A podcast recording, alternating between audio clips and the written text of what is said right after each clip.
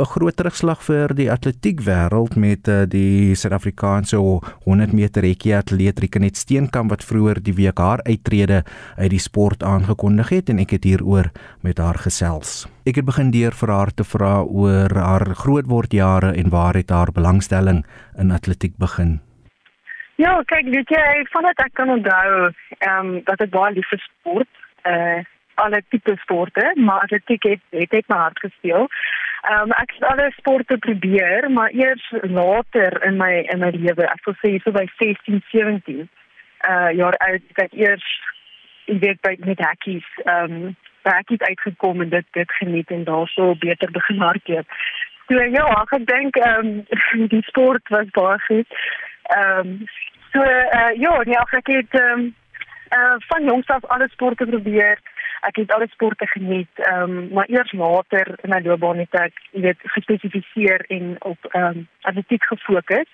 Ehm um, en ek het bietjie van 'n late bloomer gewees. Ek het bietjie later gegroei in my lewe. So ehm um, ja, en en en later besluit ek wil ek doen en ja, die res is iets. Waar het jy besef maar ek is eintlik goed in die hekkies item? Hoekom het jy hekkies gekies? Wat was hy oomblik wat jy besef het ek is eintlik beter in die hekkies byvoorbeeld as in die naloop of in die langer afstande? Ja, so kyk, ek wou ek wou eintlik altyd 'n sprinter gewees het en ehm um, toe die een dag het ek toe ek nou in graad 10, 16 was, het ek 100 meter rekkies probeer en ek het bietjie paar mense "Jy moet probeer dit net," want ek het op op laerskool hier so een of twee keer probeer maar nog nooit weer nie. En ek onthou nog die week dat ons hy sport wat daar gehad het, het en dit was net vir my, dit is net vir my nog meer natuurliker gevoel as om net te loop. En in daardie oomblik ehm um, het ek gesê, weet jy wat, dit is my item wat ek wil pursue. So ek dink ek sou dalk 'n goeie sprinter kon gewees het, maar ek sou nie die age gehad daarop nie. En ek dink ja, graad 10, 11 het ek besluit, nee, hierdie item wil ek op meer tyd spandeer en ehm um, ja, ek dink dat jy dit ook meer geniet. Ek dink net kan soveel meer goed doen. Ehm um, met hackies en oefening, dit exciting, dit tegniek en en ja, ek dink vir die, die genietfaktor het my ook gehelp om dit te kies. Ja. Wil jy 'n bietjie uitbrei oor die oefenprogram, oefenskedule van 'n hekkies atleet en hoe vergelyk dit byvoorbeeld met 'n gewone naloper of 'n gewone atleet? Ja, kyk ek dink daar's net soveel ekstra komponente as dit kom by hackies. Jy weet, want spoed is ook natuurlik belangrik want honderde rekkies dan jy moet spoed hê maar daar's ritme waarin jy moet werk daar's tegniek waarin jy moet werk daar is ehm um, spoed oor die hek waarin jy kan werk. So ek dink daar's net soveel ekstra komponente wat bykom en ek dink een unieke ding vir my altyd was as jy iets verbeter oor een hekkie en jy pas dit toe oor 10 hekkies wat kan jy wat kan jy bereik weet. Terwyl om met op 'n op 'n sprint te verbeter moet jy jy moet vinniger hardloop. Weet dit is so so eenvoudig nie. So ek dink ehm um, dit is altyd my weet uh, geïntrigue die hackies. En ek kan ja kom ons ja, kom ons doen dit eerder. kom ons gesels gou oor maak dit eintlik 'n verskil een van die tegniese aspekte die hoogte van die hekkie self en as dit byvoorbeeld jy het nou sê geoefen op 'n sekere lengte en dan op 'n reisdag is dit byvoorbeeld nou 2 cm korter of hoër maak dit 'n groot verskil? Kyk, die hoogte, ja, dit dit maak 'n verskil. Ek dink ehm um, ek het 'n paar keer my oefeninge selfs met oorlaar hekkies geoefen. So maar ek weet om te leer myself te leer vinnig hoe hekkies te hardloop. Ehm um, en ek dink ook dit verskil ook van persoon tot persoon want ek dink baie mense is bietjie langer of bietjie korter of of so aan. Um, maar ek dink die 100 hekkies se hoogte is ja, reg vir die vir die vrouens. So ehm um, ek dink dan nie dit is so hoog soos vir die mans nie, ek moet sê die mans partykeer ek as ek so kyk hoe hard sy het met baie respek vir hulle. Ehm um, maar ja, dit dit speel maar 'n rol. In na skool het jy besluit om uh, atletiek of spesifiek jou 100 meter hekkies um voltyds te doen in 'n tyd waar atlete nie eintlik baie erkenning in Suid-Afrika gekry het nie. Almal of die meeste geld het maar na sokker, krieket en rugby toe gegaan. Um hoekom het jy besluit om dit voltyds daarmee aan te gaan na skool? Ja, ek kyk ek het ek het 'n droom gehad. So ek dink as mens 'n passie en 'n visie het, dit help. En dan die ander ander ding wat ek uh, wat my geweet het met ek matriek was, het ek die SA senior titel gewen. Ek dink dit was my groot motivering want ek sê dit is wat dit is kom ons kom ons kom ons pursue hierdie droom, jy weet. Kom ons jaag dit na. Ehm um, en ja, ek dink ek het ook 'n ongelooflike ondersteuningsnetwerk om my. Jy weet my ouers het vir my gesê, weet dit is vir jou passie lê.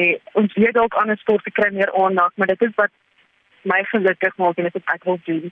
En ek het nie te veel gedink aan eksterne faktore nie en ek het probeer fokus op dit waar ek beheer het. In uh, natuurlik 'n uh, roemryke loopbaan gehad, wil jy 'n bietjie vir ons uh, noem wat was van jou hoogtepunte voor ons kom by van die laagtepunte? Wat was van die hoogtepunte in jou loopbaan? Ja, dit is dit is amper moeilik vir my om dit te sonder, maar ja, ek sou ek sou sê jy weet daar waar dit die eerste hoogtepunt vir my was toe ek het al senior titel gewen het toe ek 17 was. En uh, nou het ek um, die Afrika titel gewen 'n paar jaar later. En Ja, dit ek 'n beter so sê wat vir my wat absoluut uitgestaan het wat ek so sê jy weet 'n wedloop was dit amper perfek gesplit was die laaste ek wêreldbeker ehm um, goud gewen het.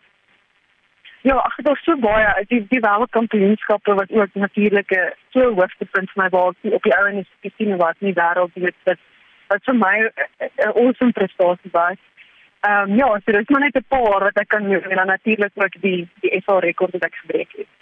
En natuurlik ook met hoogtepunte, laagtepunte veral in individuele sport. Wat was van die laagtepunte en hoe het dit oorkom in jou loopbaan?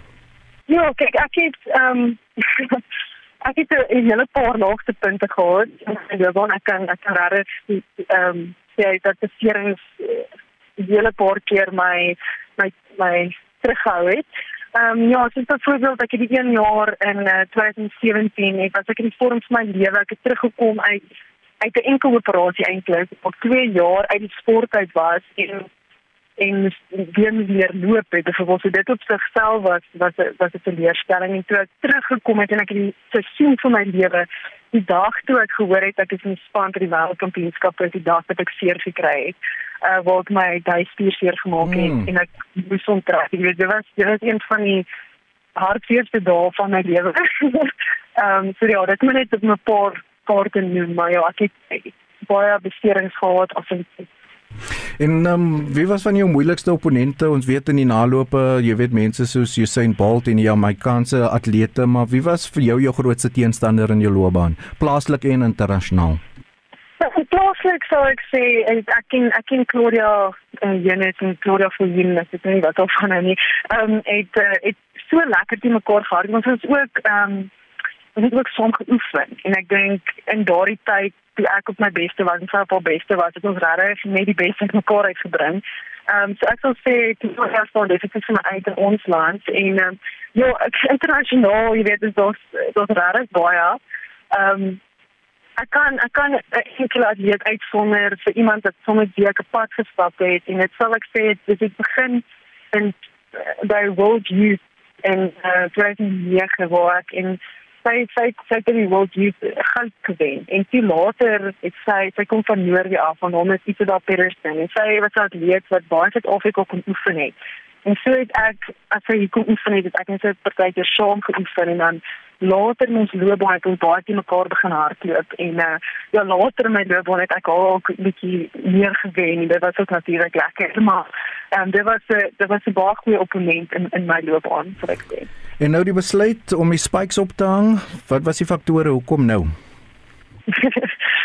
ja, ek dink in die laaste ehm um, 2 jaar wat my wat my uh, baie moeilik ook ehm um, gevolg van COVID ek het siek geword en ehm um, op 'n tyd wat ek net sou uh ehm um, wou kwalifiseer vir Olimpiese spele. Ek het dit teruggekom en ek het probeer kwalifiseer vir Olimpiese spele en ek kon dit nie reg kry nie. Dit ek weer seer gekry en ek dink in daardie tyd het ek net besef wat dink ehm um, ja, ek dink die seisoen is nou dan einde. Ek kan ook sê dat ek lank beklei daarteen. Dis nie dis nie 'n besluit wat ek net oor vandag gemaak het nie ek sou sê die laaste 2 jaar het ek besef, ehm um, okay, dit is nader aan die einde. Ek sou definitief nie so wou gebou geëindig het nie. Ek sou dit vir my afhang hardloop ek nog baie lank. maar um, ja, ek dink dit is maar ek moet vrede maak met dit. Lewe na atletiek, um, baie gaan in afrigting, gaan jy nog enigstens by die sport betrokke wees of gaan jy in 'n ander rigting? Ek sou definitief in ander rigtings ook natuurlik gaan. Ek dink ek sal net in sport betrokke wees, nie, maar ek sal vraag vir ewig vir so lank as wat ek kan betrokke bly in atletiek in Suid-Afrika. En dan Met la afrigting of hoe ook al. mm. En dan laastens, wat is jou droom vir atletiek en atlete in Suid-Afrika? Ja, ek ek dink dis ek het altyd 'n droom gehad, ehm um, jy weet om om barriers te breek in ons land en vir atlete wat na my kom om hoër hoogtes te bereik. Jy weet en en ek is natuurlik my passie so ek glo ook daar is 'n hele paar jong atlete wat nou deurkom wat meer bereik as ek en ek dink ehm um, ja vir die vir die 100 dakies wil ek hê dan moet net iemand weet wat dat die wêreldkampioenskap in die finaal kan hardloop. Dat konstant onder 13 hardloop want so lank in ons land dat dit het dit vat nie gebeur nie. Vir 20 jaar was al 'n bietjie van 'n droogte gewees en ek dink dit is dit is met passie en ek dink ook ek sou graag wil hê vroue atlete om baie meer diepte kom, baie meer ontwikkeling kom as vroue atlete.